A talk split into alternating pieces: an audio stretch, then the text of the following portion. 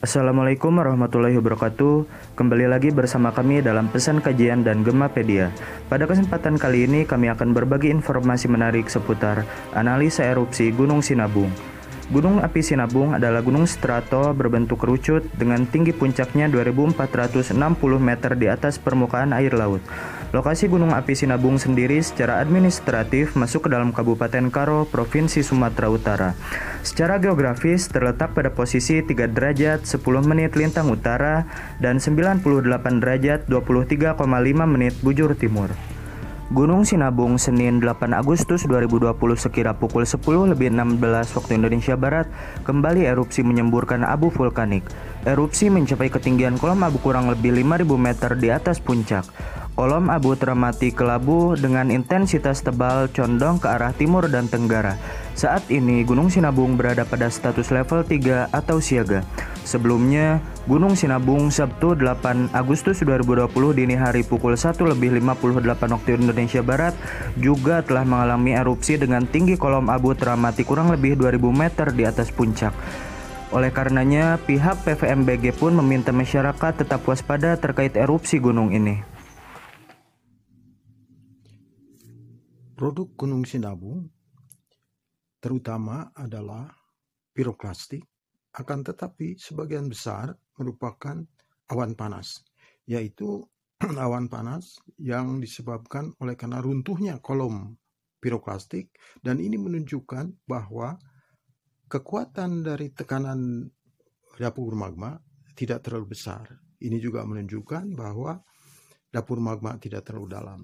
Awan panas yang mengarah ke semua arah itu disebut awan panas Saint Vincent. Dan ini e, berhubungan dengan kemampuan tekanan tersebut.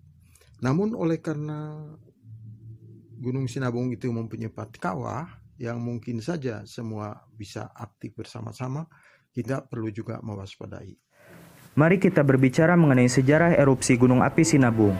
Melansir situs resmi ESDM, bahwa sebelum tahun 1600 Masehi, aktivitas terakhir yang ditimbulkan berupa muntahan batuan piroklastik dan juga aliran lahar. Pada tahun 1912, mengalami aktivitas solvatara di puncak dan juga lereng atas. Pasca peningkatan aktivitas vulkanik tersebut, gunung ini berubah statusnya dari waspada menjadi siaga pada 3 November 2013 dan meningkat secara signifikan pada 23 sampai 24 November 2013. Oleh karena itu, tingkat aktivitas dinaikkan kembali dari level siaga menjadi awas. Kemudian pada tahun 2020 yang lalu, Gunung Api Sinabung kembali erupsi pada 8 Agustus 2020 pukul 1 lebih 58 waktu Indonesia Barat dengan ketinggian kolom abu kurang lebih 2000 meter di atas puncak dan berselang dua hari kemudian, gunung api ini kembali erupsi pada 10 Agustus 2020 pukul 10 lebih 16 waktu Indonesia Barat dengan abu teramati sekitar 5000 meter di atas puncak. Gunung Sinabung Gunung Sinabung di Sumatera Utara meletus baru-baru ini dan menimbulkan keheranan oleh karena selama 400 tahun Gunung Sinabung ini tidak pernah meletus dan oleh karena itu dikategorikan sebagai gunung api tipe B. Tapi tiba-tiba dalam beberapa waktu yang lalu terjadi letusan. Ini barangkali berkaitan dengan posisi dari Gunung Sinabung itu yang berada pada patahan besar Sumatera. Adalah mungkin bahwa air tanah masuk ke dalam dan bersentuhan dengan front panas dari magma sehingga menimbulkan letusan freatik. Inilah yang kemudian men-trigger letusan magmatik. Demikian mengenai Gunung Sinabung. Jika kita berbicara mengenai kondisi geologi Gunung Sinabung, pertama-tama yaitu dari penyusunnya.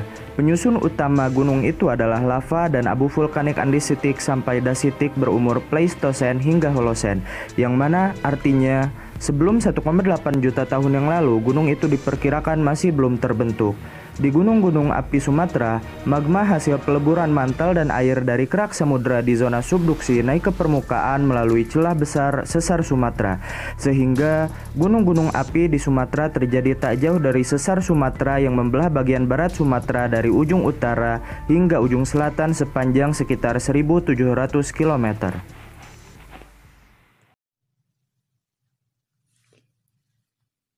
Pertanyaannya adalah, apakah Gunung Sinabung akan meletus lebih besar pada masa yang akan datang? Dilihat dari perjalanan sejarah tektonik, maka letusan-letusan besar di Sumatera itu terjadi pada 700-an atau 1 juta tahun yang lalu ketika posisi Sumatera frontal terhadap pergerakan lempeng Indo-Australia.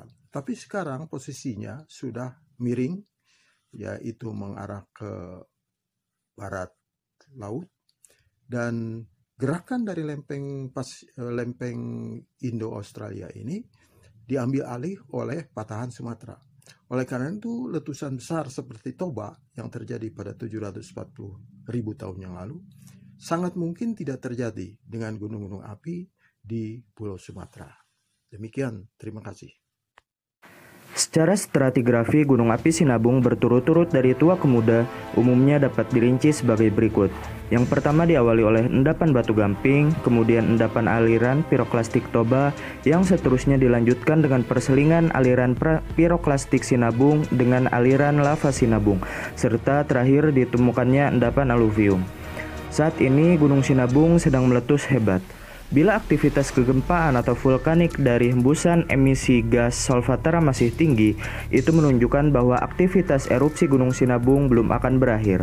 Sebab kegempaan dan gas solvatara itu menunjukkan adanya masa magma yang tengah naik ke permukaan. Juga fungsi gunung kaitannya dengan erupsi telah dijelaskan di dalam Al-Qur'an. Allah Subhanahu wa taala berfirman, dan telah kami jadikan di bumi ini gunung-gunung yang kokoh supaya bumi itu tidak goncang bersama mereka dan telah kami jadikan pula di bumi itu jalan-jalan yang luas agar mereka dapat petunjuk. Quran Surah Al-Anbiya ayat 31 Kemudian, apakah benar bahwa gunung berapi dapat mencegah dan menghentikan gempa bumi? Menurut survei geologi, justru di daerah pegununganlah yang terbanyak terjadi gempa bumi, baik gempa bumi vulkanik maupun gempa bumi tektonik. Lantas, apakah keterangan ayat-ayat Al-Quran itu kontradiksi dengan pendapat ahli geologi? Atau pakar geologi tersebut yang salah dalam menyimpulkan hipotesanya?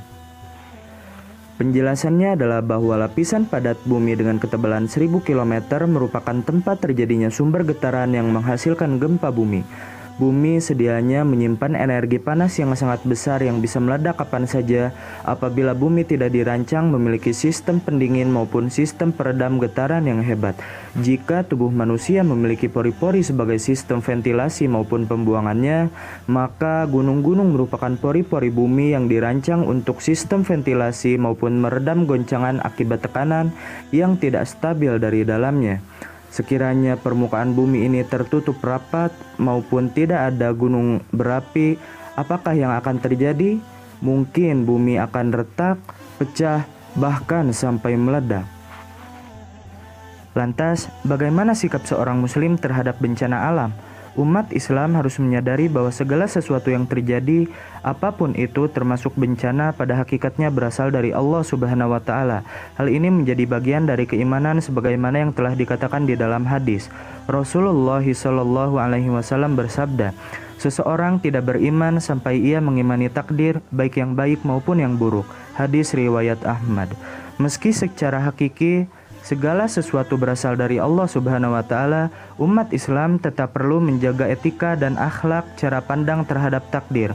Umat Islam perlu mengembalikan bencana sebagai sesuatu yang buruk pada manusia itu sendiri. Sebagaimana yang telah dikatakan sebagaimana firman Allah Subhanahu wa taala yang artinya Kebaikan yang menimpamu berasal dari Allah dan keburukan yang menimpamu terjadi karena dirimu sendiri. Surah An-Nisa ayat 79. Jadi, meski semuanya berasal dari Allah Subhanahu wa taala, manusia itu tetap dituntut menyatakan akhlak perihal bencana sebagai sesuatu yang berasal dari kehilafan, kesalahan, kekeliruan, dan kezoliman manusia itu sendiri. Kemudian, saran mitigasi bencana seperti apa yang tepat untuk erupsi Gunung Api Sinabung? Pasca letusan ini, PVMBG memberikan sejumlah rekomendasi kepada masyarakat. Yang pertama, masyarakat sekitar dan wisatawan diminta untuk tidak melakukan aktivitas pada desa-desa yang sudah direlokasi maupun dalam radius radial 3 km dari puncak Gunung Sinabung. Kedua, jika terjadi hujan abu, masyarakat diimbau untuk memakai masker jika keluar rumah. Hal ini tentunya penting untuk mengurangi dampak kesehatan dari abu vulkanik itu sendiri. Ketiga, masyarakat yang berada dan bermukim di dekat sungai-sungai yang berhulu di Gunung Sinabung diperingatkan untuk tetap waspada akan bahaya lahar. Sekian analisa mengenai erupsi Gunung Api Sinabung yang dapat kami sampaikan. Tetap nantikan pesan kajian maupun Gemapedia selanjutnya. Wassalamualaikum warahmatullahi wabarakatuh.